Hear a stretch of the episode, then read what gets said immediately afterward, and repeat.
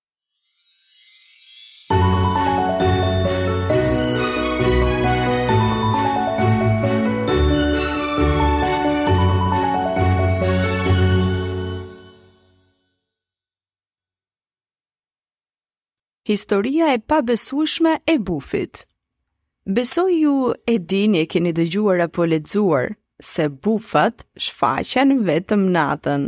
Ndaj do ju tregojmë këtë histori e cila ka ndodhur kohë më parë dhe na tregon dhe arsyen pse bufat shihen natën dhe jo gjatë ditës.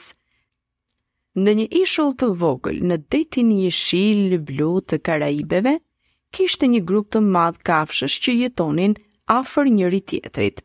Ata shkonin shumë mirë bashkë dhe shpesh organizonin festa të mrekullueshme për të festuar miqësinë e tyre. Një ditë ishte radha e zogjve për të organizuar një mbrëmje të bukur. Shumica e zogjve u takuan menjëherë për të ndarë detyrat mes tyre.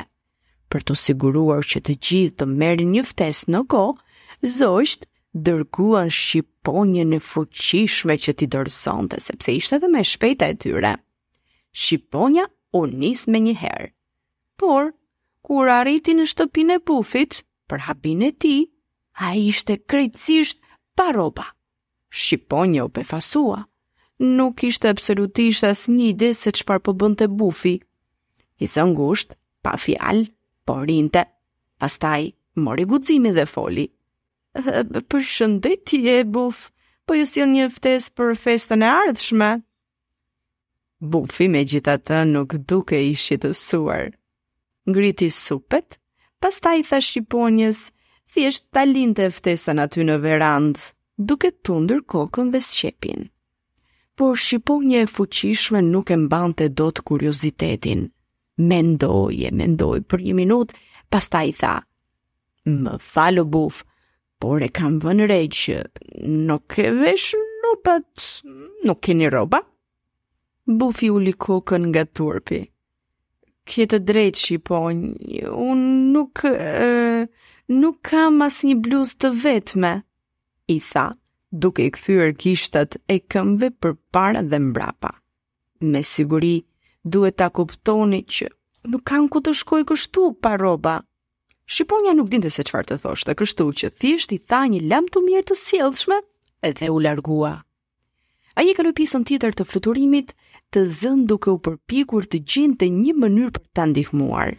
Sapo u kthye, bëri një mbledhje dhe t'i tregonte zogjve për problemin e veshjes së bufit.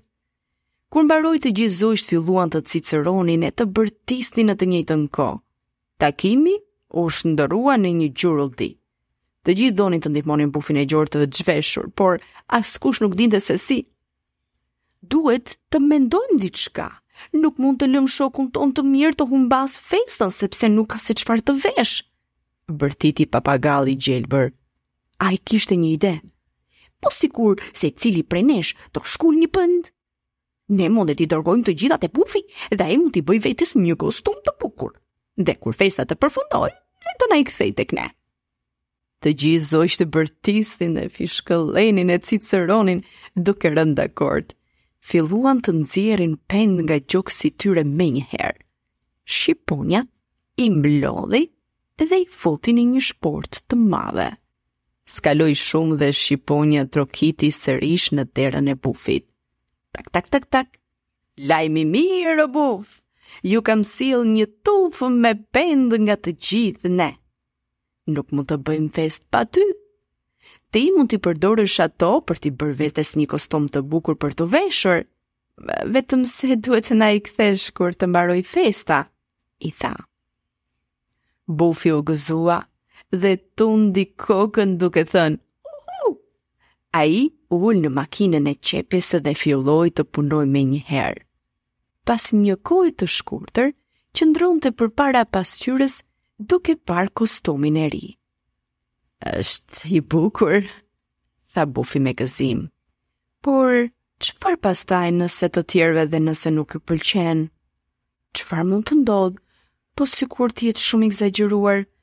Po sikur të mos mjaftojë. Pastaj mendoi të shkonte në festë dhe vendosi. Veshja ishte perfekte.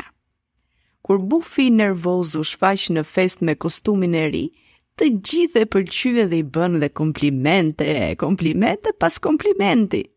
Ishte shumë i gëzuar që kafshëve të tjera u pëlqente ajo që kishte bërë. Kaloi shumë mirë dhe gjithë nata ishte absolutisht magjike. Festa mbaroi. Bufi papritmas u trishtua. Ai e dinte se ishte pothuajse koha për t'i kthyer të gjitha pendët e marra hua.